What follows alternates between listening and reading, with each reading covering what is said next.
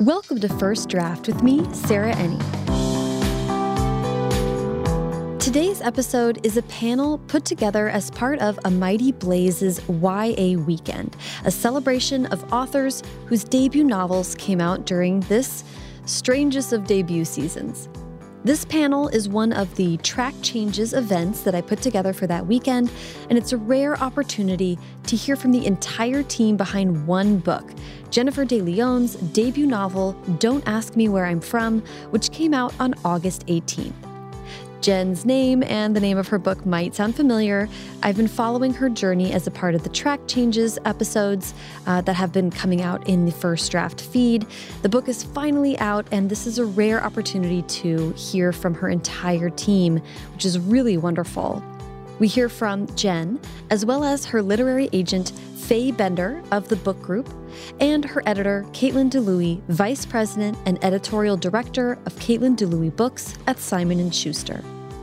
There's so much insight and fascinating perspective in this panel about how agents and editors build relationships and work together, how the marketing team for the book pivoted in adjustment to a pandemic rollout, unexpected silver linings from a virtual launch, and advice for debut authors in 2020 and beyond.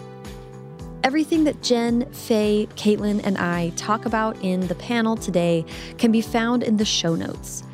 First Draft participates in affiliate programs, specifically bookshop.org. That means that when you shop through the links on firstdraftpod.com and uh, buy books there, it helps to support the show and independent bookstores at no additional cost to you. If you'd like to donate directly to First Draft, either on a one-time or monthly basis, you can do that at paypal.me slash firstdraftpod. I want to say that this event was put together as part of A Mighty Blaze's suite of events this summer, and A Mighty Blaze has been doing wonderful things for debut authors across age groups. So please check out A Mighty Blaze on Twitter, Facebook, Instagram, everywhere. They have great events going on all the time. If this panel is of interest to you, then you're probably going to want to listen to all the rest of the track changes episodes that have been rolling out over the last few months. The most recent episode, which came out last week, is about marketing and publicity, and uh, a lot of people have been responding to that. If you're looking to get even more in depth about the publishing industry, I've also created the Track Changes newsletter, where every Thursday and sometimes Friday, I share more of the information that I gathered in researching for this project. You can sign up for a 30-day free trial of the newsletter and learn more about both Track Changes projects at firstdraftpod.com slash track changes.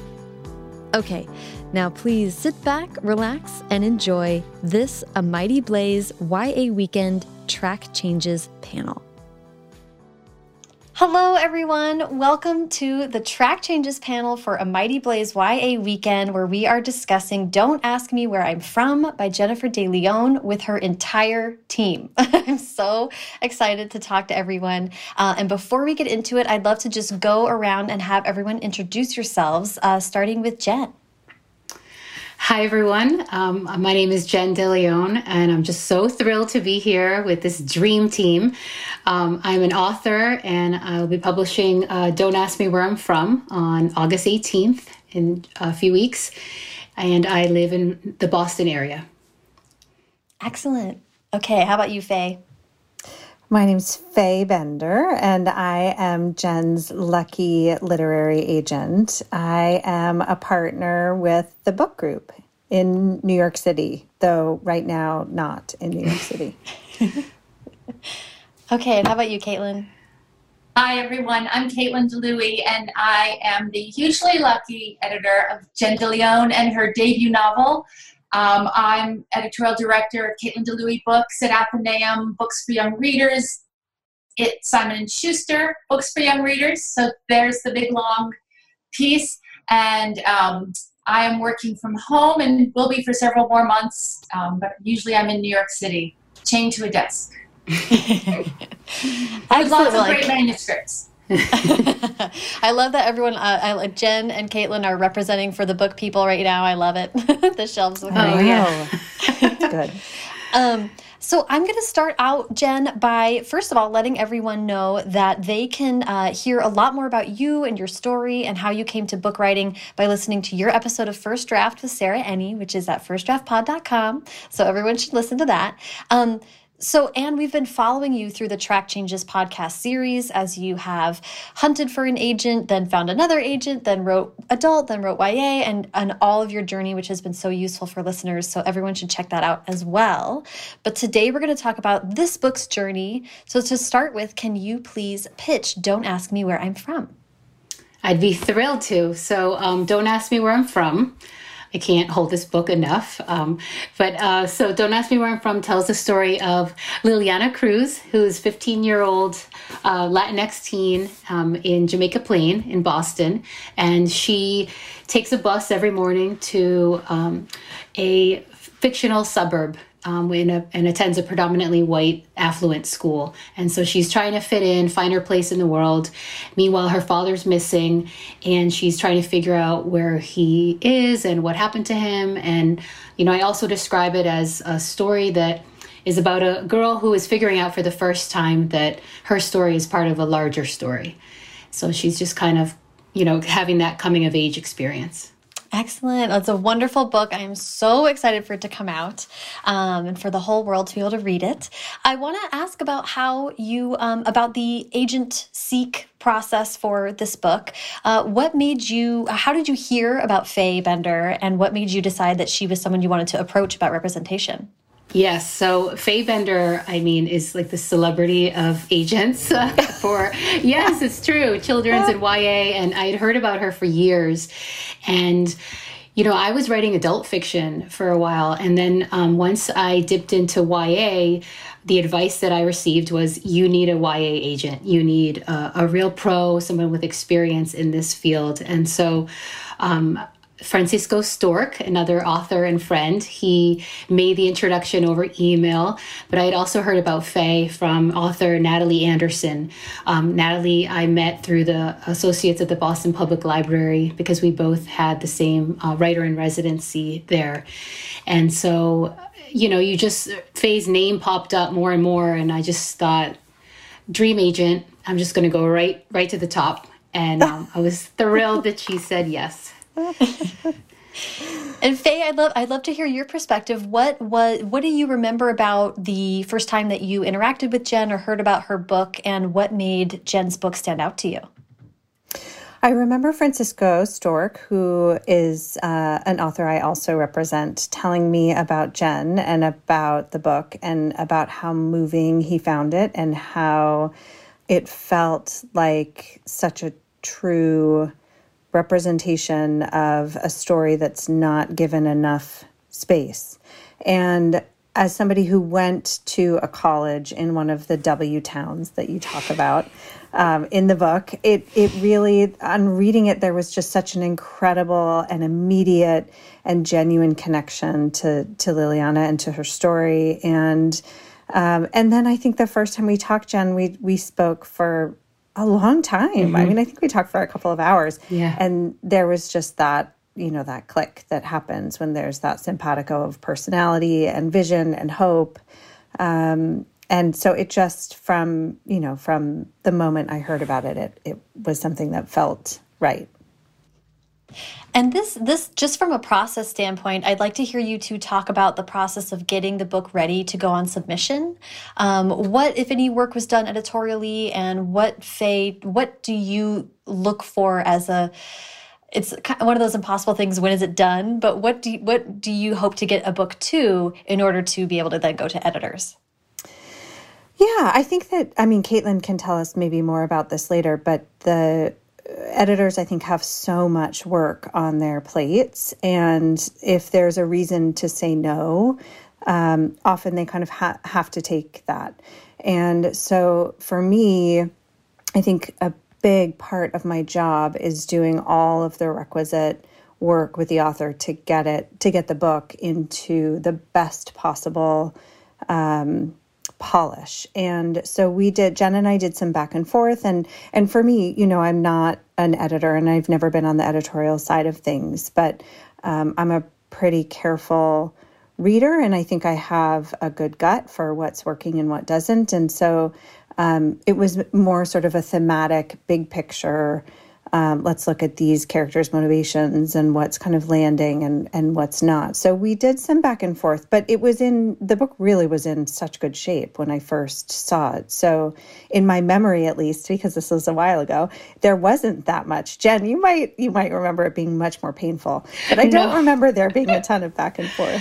No, there there really wasn't. Um, I I remember, you know, it was like add a scene about with Liliana and her father Yes. And, um, you know, I, I, because this was my first time writing YA, I think I was a little bit at times on the line of middle grade in YA. So Faye was really good about kind of steering me, like stay on your YA lane, stay in your lane, kind of thing. And um, and then the timing, I remember it was right before Thanksgiving, and which wasn't the best time to go out with a, a, project, right? And I thought, I can't wait. Oh my God, you're gonna make me wait like six more weeks until January. But but I think this whole process is is like just kind of being patient. Like so much is out of your control. Mm-hmm. Yes, I, I, agree with you on that. Uh, um, I would love to hear, Faye, as an agent, when you have a book like this and you obviously want to give it its best shot, um, and often, and well, um, I don't want to answer the question for you, but I think when you send out a book, that's kind of it. You get one shot with an editor. So, mm -hmm. how mm-hmm. do you think about who would be best for a project, and what made you think of Caitlyn for this book? Mm -hmm. So that's such an important part of this whole machinery of of um, getting to publication is it, it's just such a personal business. It's so much based on the conversations over many, many years that I've had with all of these different editors about everything ranging from where they grew up to where they went to college to whether they have kids if their kids are in college if they you know the brothers and sisters where they go on vacations i mean all of it seems when you look at it piecemeal it all seems sort of extraneous and separate from the business of publishing, but it really does come into play in such an important way when books are ready for submission because I think any good agent has a really good picture of which editors are looking for which kinds of books and who would do best in publishing those.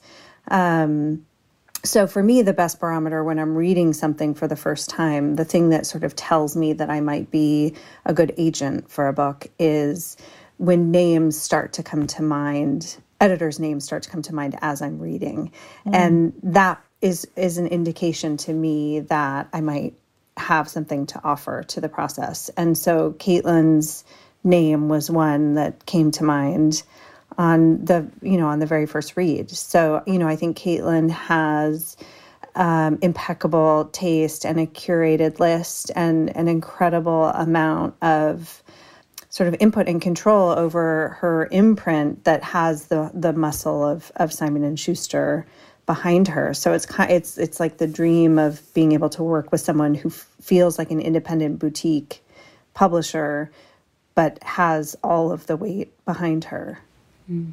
Yeah. Caitlyn, I'd love to hear from you and, and bring you into this conversation. Um, do you remember when you first uh, heard from Faye about this project, and what were your first impressions of Don't Ask Me? So, Faye had written to me to see if I would be interested, and I don't know if you know this, but Faye crafts such an enticing letter to coax your interest to begin with, but I barely needed that because once she started describing what the story was about. My, my little hands were doing this. Please, please. um, it. Am I getting this right, Faye? It was. It was. Um, it was. There was another editor also interested at Simon and Schuster. At Simon and Schuster, and then there were others as well the minute I heard that, I was having tiny little heart failures because I thought, oh no, what if that person gets the book? Never mind the rest of the world. I'm just focusing on the first, the first um, person who might might get in the way because I started reading this, and I usually know within 20 or 25 pages if I'm falling in love with a manuscript. And then the rest of my read is less about how great it is, and it's much more about don't mess this up, just don't mess this up because I'm loving this. Don't mess anything up. And that's where where I um, ended up by the end. Jen did not mess anything up. And I, I was went shimmering into my publisher saying, "Oh, oh, we we have to we have to publish Jen DeLeon and her new novel, her first novel." Um, and then there were the, the ins and outs of the, the publishing world um, at Simon Schuster, and then whatever went on beyond me with Faye and Jen and other publishers. But I was just thrilled to read it and get to the end and know that I was just as thrilled and just was hoping, hoping, hoping that it would land here Yes, that's so exciting. And and I do want to ask about since it was a competitive process, Caitlyn, when you are in a situation like that of then the sort of um, uh, you are in a position of kind of approaching the author and wanting to sell yourself as a home for for that book and that project how do you as an editor approach that of talking to an author and putting together not just a, a, a, a, proposed deal for them but also a connection with them personally about being a home for their book? I love knowing i love asking where has come from. Like what the original impetus of the story was i love getting down to those lower layers. And then i also love talking about where i can see the story going further beyond what it already is because I'm looking at it with such fresh eyes that I sometimes will see something um, that, you know, Jen and Faye have read it many times and they might not see. And I'll put that out there and gauging the reaction to that helps me know whether, for instance, Jen um, is on the same wavelength or if, if we're not connecting, it's really easy to tell that way. And it's not done as a mm-hmm. test, but more that through her words, I'm prompted with visions of what it can be, but I never want it to be my vision. I want it to be her vision. So I want my visions to parallel hers and just amplify the strength of the novel. And mm-hmm. then I see that reaction, and, and that's sort of how I know, which is probably very different from how Jen would come at it or Faye. Yeah, that's such a good point about having fresh eyes at that part of the process. I think we all, uh, especially as writers, we're like wandering the forest and what are trees at that point. Um, Jen, what was it about Caitlyn's approach or talking to her? What made her stand out as a potential editor? Um, you know, I remember the very first conversation we had, and it just, I remember feeling excited like somebody was here who, like you were saying earlier, Caitlyn, um, like believed in the story but also saw potential for like what it could be. And i mean that when i gave that final draft to faye and then we worked on it and then we sent that draft that that was the last iteration i had ever worked on. So it's always like the last mile. And then you have an editor a coach uh, somebody coming in who's like I think you can run another mile. It's like, what? You know, like how how can I do that? And then they're like, oh, it's just like this and this and this. And if you break it up this way and you walk a little, then you sprint, then you run, like ta-da. And so I just I don't know. It's like I love how um, Caitlyn made made it feel so plausible. And I think as a writer, you know, I, I'm hard on myself, or I think like I don't know if I can do it. Oh my god! And so I was energized by a conversation. And uh, truthfully, I just love how she, she is willing to go there with with topics with social justice with race with class. And i felt like you know this could this this is my debut novel. Like i don't want to ever feel like i'm holding back or playing it safe. Um, it's like your only chance to have your first swing. And i felt like caitlyn was with me like that whole way and she, and she wasn't going to hold me back. Um, she was gonna like cheer and push and like say keep going you got this. And and she's super smart. Like it's like hello just where are my daughters to hear this? I know right no i know. But yeah on that level of just like having ideas like what about this? Or you know you have this in there. I was thinking this like seeing those connections and mm-hmm. being able to like like feel like see these seeds and then like have visions for them like fully sprouted i mean it's just it's a talent and um and it's it's also uh, your love of voice i felt like i was i was in a good home too because it, you know, it, what Caitlyn wasn't like, you know, I guess turned off by the voice. If anything, she was like, "Yeah, turn it up, turn up the dial." Like we, you know, so that that part felt good too. Yeah, I and, think oh, I have. Sorry, I just want to interject and say I think that there is this kind of preconceived notion that editors are too busy to edit. Nobody edits anymore, and mm. you know there are instances in which that's true, but I think that Caitlyn breaks any assumption that that could possibly be true because the the degree to which she thinks about every aspect of a book and can hold the thread from something that happens on page 6 to something that happens on page 320 is it's remarkable it's really impressive Big time. Love that. um, I did want to ask Jen. I think over the course of track changes, I think at some point you told me that Caitlyn also wrote a personal letter to you at mm -hmm. this stage in talking about what she saw for the book. Do you mind? Do you guys mind talking about that? Sure. I mean, I remember it, it was just um, it was a personal note, and it was at a, a part of the process that was um, pivotal. And if um, like you said, editors are busy. New York editors are even busier, and it just felt like um, that personal touch. And I joke about it, but we did bond over our love for Starbucks. And, um, you know, I remember that Caitlyn, she wrote the letter that was so touching, and I have it on my laptop. But then the day that, you know, it was official that we would be working together, um, Caitlyn left a voicemail eh, on my phone, and uh, something in the voicemail was like, You have earned your Starbucks. You can go get two if you want, you know? And I just felt like, you know, it was a moment of celebration, and I felt like you know a lot of this work is serious, and we're professionals, but it's also you, you got to keep the joy in it. So I felt like those. I don't know. I like those those personal touches. Yeah, I love that. Um, I did want to ask about the, uh, you guys kind of teed us up for the editorial process. So, Caitlyn, when you, um, after the deal was signed and you could fully move into editing the book, how did you approach that and what did you think the book needed? Or how did, how do you kind of dive into the editing process with your clients generally and with Jen specifically?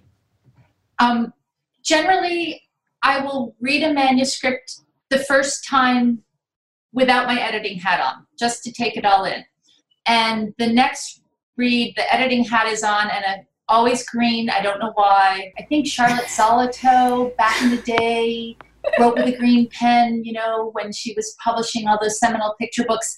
But anyway, green just always seems less threatening. So when you scribble all over something, instead of red, and then black can be a little hard to find with black type, and blue seems a little ordinary, so I go with green. Anyway, um, then I start scribbling all over the manuscript and I write notes everywhere and I have a paper beside me where I write in teeny, teeny, tiny letters a million ideas, teeny tiny so I don't get myself overwhelmed with 17 pages of ideas.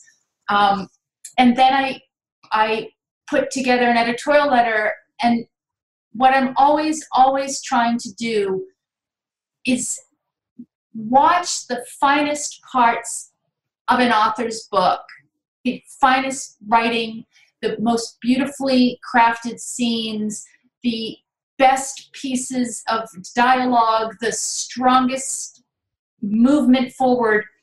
And then I know what everything can become because mm-hmm. I know their top strengths. And then really I'm just as Jen Jen came up with that great analogy of you can do one more mile. It's for me it's you can get everything to that same exact level because you've done this. You are beyond capable of getting everything just as strong. And most of the time, it's it's again, an author has been with it and with their manuscript for so long that they they are, are they become tunnel vision. It's hard to step back unless you have a year, you know, of not being near it. And I'm basically liking to think I'm a little bit in their head doing what they would do if they had the uh, year to step back and look at it again. Mm. Yeah. If that I, all makes sense. Yeah. Yeah, that's a it great does. way to look at it. Yeah. And it's fascinating to think of the editor as sort of giving the gift of like time or perspective. Mm. I think that's a really a fascinating way to think about it. What was what was the editing process like for you, Jen? Uh, a lot of sweating. No. Speaking of running, yeah.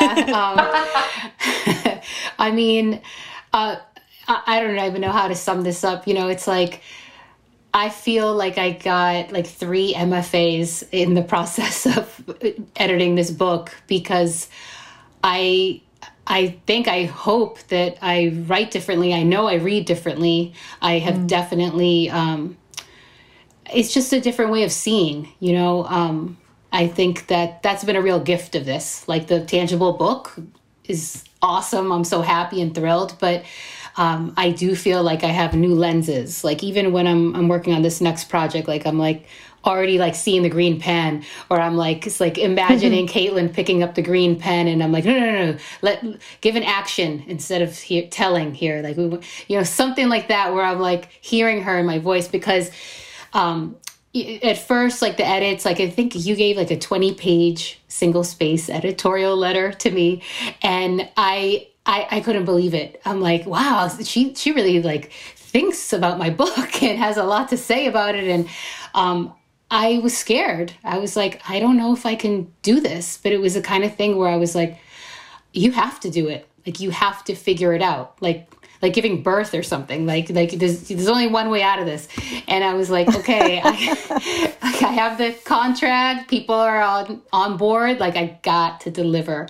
So um, and then after that, we had different iterations. And I moved at one point, I had a baby. I feel like we had a long journey with this book. And it was that feeling of like, okay, I'm done. And it's like, nope, no, you're not. And it's like, okay, now I'm really done. It's like, nope, no, you're not. And every time, there was more to to mine you know and there was more to finesse and there was more to discover and I don't know. Maybe maybe another editor would have clicked print earlier, um, but it wouldn't be the book that it is today. You know what I mean? Like it's like you at the moment I was kind of like, oh my god, I can't believe this. I don't know if I can do it, but it's that feeling after after you're done running and sweating, and you're just like, thank God someone pushed me, you know. And so I say that now, but you know, with those uh, UPS packages showed up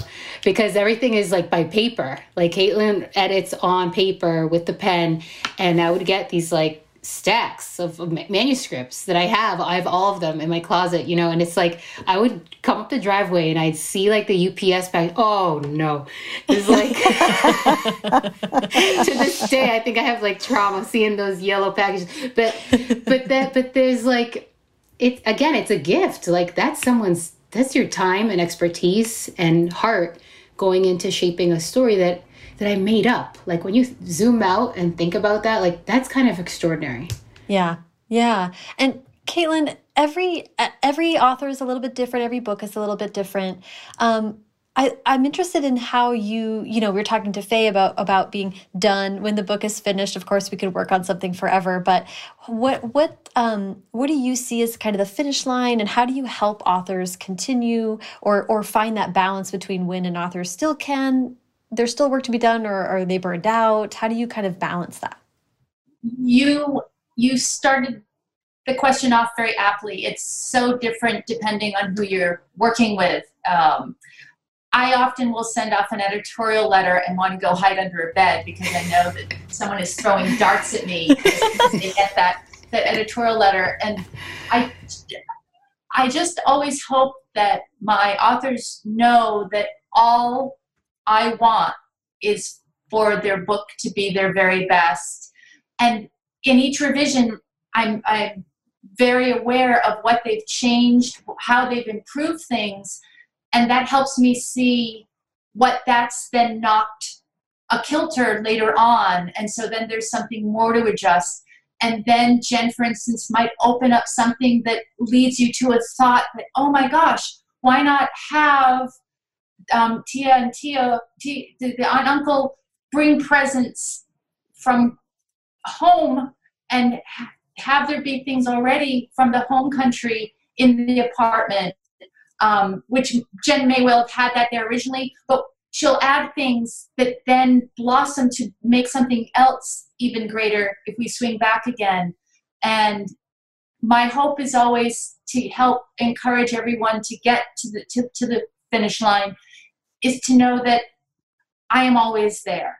Mm-hmm. I am always there. Um, can call me we can talk things over on the phone, but I am on this journey as well. And all I want, all I want is for your book to be the best you can do. And I hope that that's the encouragement because it is very easy to say, okay, we've been working on this long enough, good enough. But good enough is not good enough for kids. Mm. So Right. I love that. Uh, I did want to ask, uh, Faye and Caitlyn, have you two worked together on a project before? Do you know the great answer to this? We had not worked on a project together before, but since at Jen's introduction, we have another author together, the fabulous Desmond Hall. And he is somebody I met through Jen. She kindly referred him to me. And Caitlyn bought his book. So it's yes. a very nice sort of small world mm-hmm. answer. Yeah, De- that's yeah. fabulous. Yeah, Des, I'm so excited for his book, Your Corner Dark. Next year comes out, and um, we always joke that we have like the same literary parents. We're like literary siblings, brother and sister. Uh, yeah. Hi, honey. Yeah, exactly. You guys can talk about mom and dad. Yeah. They're so annoying. no, no way. That's so fun. I, I that is and that's very cool that this is the first time that you two have been able to collaborate. I, I did want to, you know, while we have an agent and editor here, I'd love to hear uh, both of your perspective on how agents and editors work together to bring a book. I keep wanting to say bring a book to fruition. That's not really the right metaphor, but you know what I'm saying. How, how do you guys work together to, for the best of a book? And what, what makes, um, what are like the keys to communication or teamwork in this relationship? Um, I'll take it first, maybe if that's okay. Um, I think that the keys to success all lie in really open and honest communication. And I think that's true really in every aspect of anyone's life. Um, and it's something that's incredibly important to me in my professional life. And I'm you know, I, I think in tandem with that preconceived notion of the overworked editor who can't edit is the is the idea of the kind of shark agent who's only looking forward and you know just getting the next kill and the next sale and whatever that is.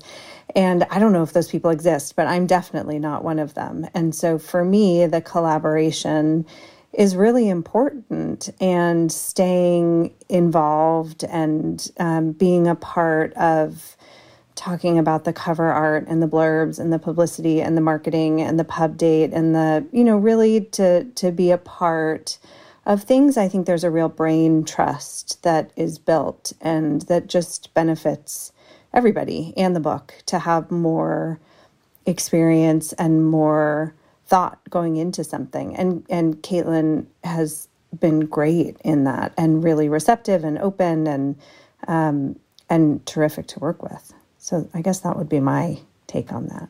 I, I would flip it right back, um, everything you said, um, and add to that that the open communication is vital. And for me to feel when something is a little sticky, a little uncomfortable, um, for instance, when we had to move the pub day, um, I didn't get in touch with you with dread in my heart. I knew you would understand the situation, or at least give careful thought to the under, to the situation, and um, we could talk it through and discuss whether that was an ideal thing to do or not.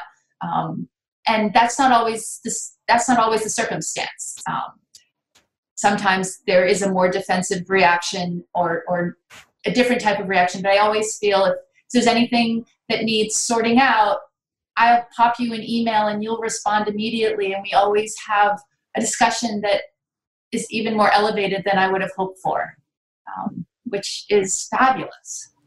Yeah, that's that's so great. And communication is, um, you know, I, I I did specifically want to keep asking about it just because it's sort of the thing that authors always ask about, and there's no really one right way, but it's useful to just hear how other people are communicating within their team and stuff like that.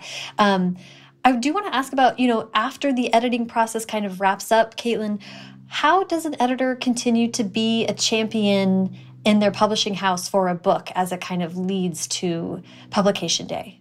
Ah, well, I don't think that we, at least at S&S, I don't think that there's a, there's room for me to stop even if I wanted to, because we have so many meetings to talk about a book up until the book is actually launched. Um, in, in the bookstores. We, we have a number of different positioning meetings. We have sales and marketing meetings where periodically, even a year in advance, we're already starting to plan what should happen for a book.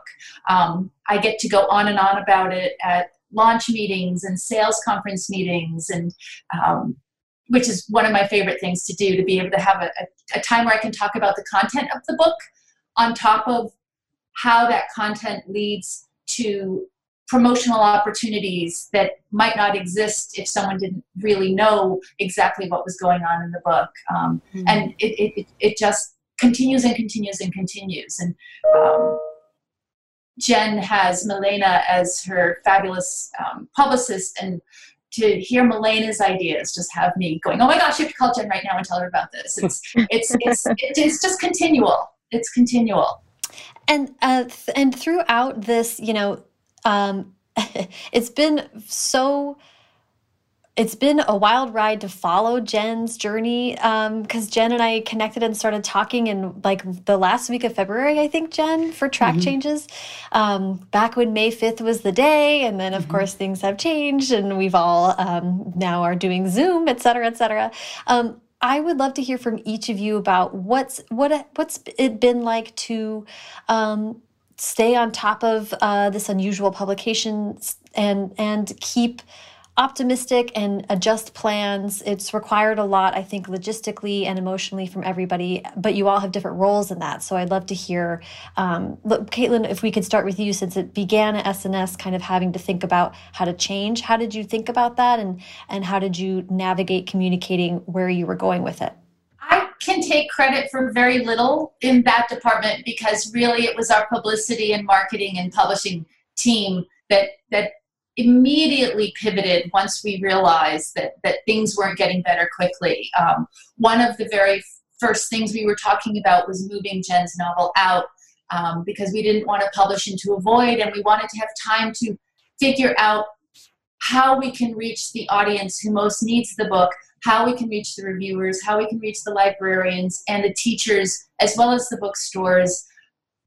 How can we do that best? And we needed time to figure that out because we'd never done it before. Um, and especially um, the, the, the folks who um, work in the, in the more digital side of things, the, the, they just came up with things so quickly, I was dazzled.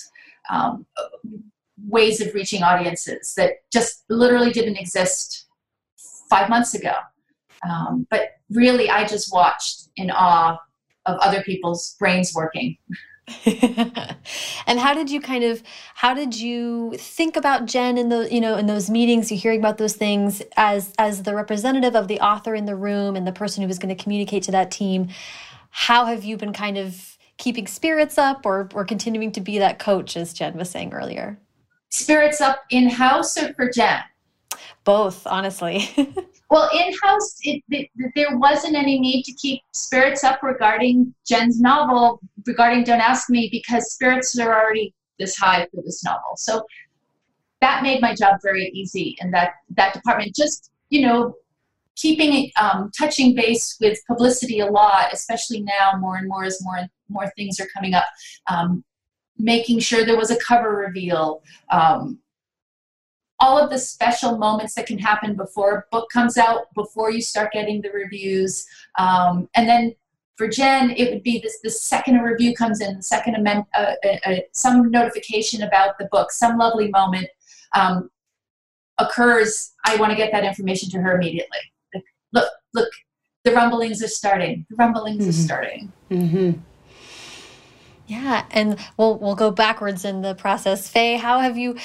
I mean, you have many clients and many logistical. I can't even imagine what your Google Calendar looks like. how have you kept things straight, and um, and what's it been like on on your end of things?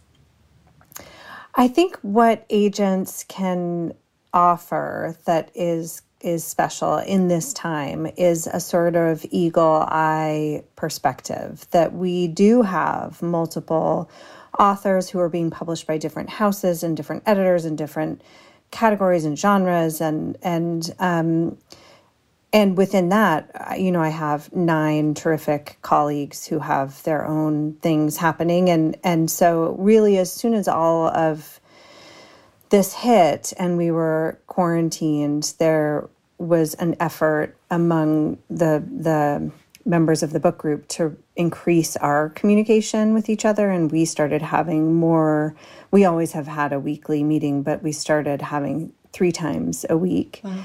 um, just to talk about this and to figure out this is working and this didn't or this is we i thought this was going to be great but it was not at all or um, just the things that we could glean from one another's experiences while this was happening and so i think that was the real value add that an agent can offer in this time is is uh, just a, a slightly a, persp- a perspective from higher up mm-hmm. you know what i mean mm-hmm.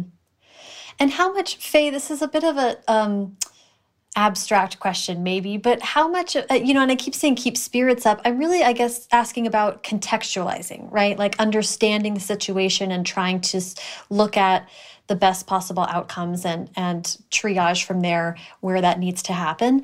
I'm wondering for you, you're working with Jen for the long term is the goal, right? So how mm -hmm. much are you worried about these moments day to day and how much are you kind of trying to contextualize like this is just a moment in a long career I do think that's true. I think this is a moment in a long career. I think it's a really special moment in a long career because it's Jen's debut and um, because she has this incredible editor and publisher in her corner, and um, because her book, I think, speaks very directly to a lot of what's happening right now that is so momentous and the the issues of social justice in the book I think are really elevated and important and clear.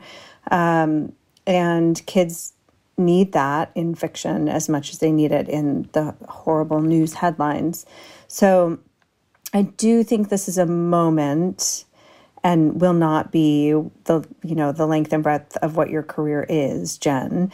Um, but I think this is a this is a really kind of seminal and special moment in your career. And I hope that it has and can and will continue to feel like that.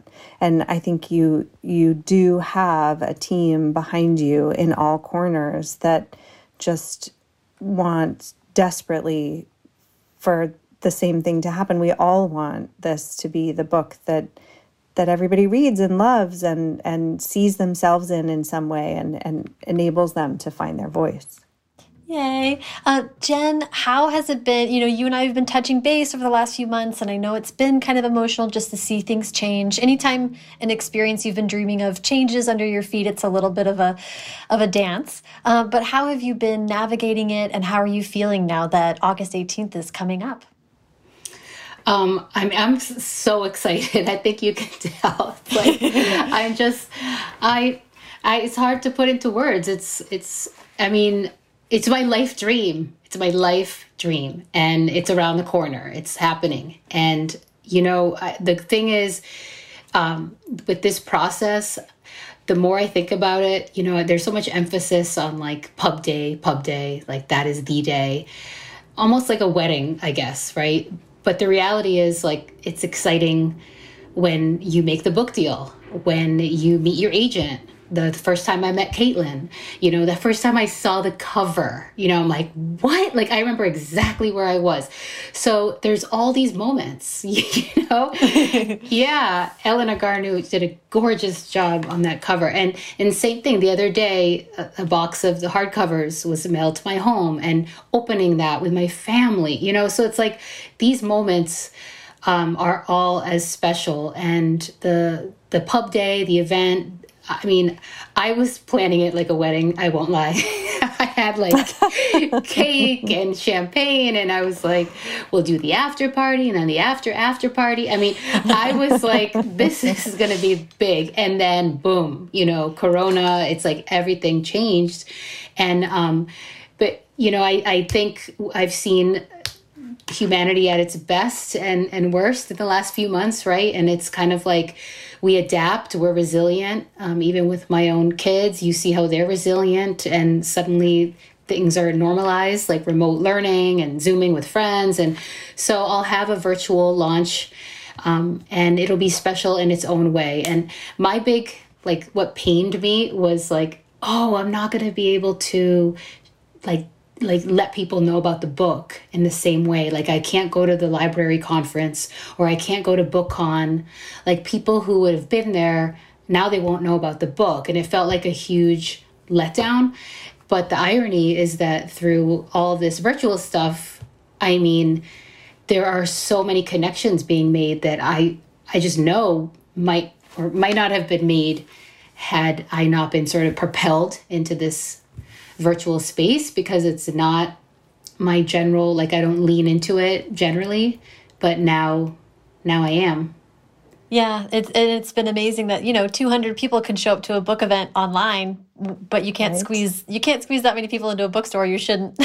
so, right, right. Uh, it's been been kind of a, a, a, really wonderful silver lining to that. Um, mm. We have to wrap up the conversation, but I like to wrap up with uh, with advice um, on on my podcast. So I'll I'll do a little bit of that here. And since A Mighty Blaze is really focused on debut books and new and aspiring writers, I'd love to hear from each of you in your role in the industry. If you have advice or words of wisdom for people who are just getting getting started or about to have their debut experience come out.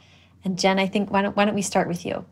Oh man, I know it's like um, I mean so much advice. I think um, you've asked me this before and I hold true to it, you know, which is that like do the thing, like the thing that you are waiting on um, maybe it's starting an MFA program. Maybe it's writing the book that you're like, no, I can't write about that, you know, or maybe it's querying the, the dream agent, right? It's all these things. I think, like, do it, do the thing because it's just, it's so worth it. I think um, a lot of people, a lot of aspiring writers too, like, feel like you have to get to a quote unquote certain level or you have to have a certain number of stories published in literary magazines before you can do that. You know it's like we make all these rules for ourselves. Like once i do this then i can do that. And um you know like caitlyn was saying earlier it's like the kids need stories important stories valuable stories now more than ever. And it's just that there's no more time to wait. So just do it. Yeah i love that. Faye how about you I think that uh, your last question about the, you know, is this sort of a a moment in a long career. I think that there are so many things that are happening right now because of these circumstances that we're all thrust into that present really exciting opportunity. I mean, there are there's a huge number of virtual events that are happening all the time. It requires, you know, traveling to your kitchen island or your couch or your bed. and, and you can really see so much that otherwise, you know, maybe that author wouldn't be coming to your city or it's too long of a drive for you to get there. You can't get childcare or whatever it is. So I guess my advice in this moment, which is such a unique moment, would be to really try to take advantage of what's happening and what's out there and make connections and watch authors who you admire talk about their work and um, you know, try try to try on being a part of the community.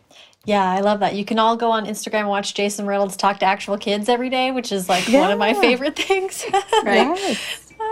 Uh, and Caitlyn, how about you? Advice for people who are just getting started or maybe getting the bravery to start start their writing career? I oh, almost always um, say the same thing, and that is to trust your own voice and work that into your characters because the voice is the one piece of the whole project, the whole manuscript that nobody else can replicate. That is the one piece that can only come from you. An editor cannot create the voice. And so if you focus on the voice, you're going to have your character. And if you have your character, you're going to have situations because the voice is so strong that this character is going to start doing something.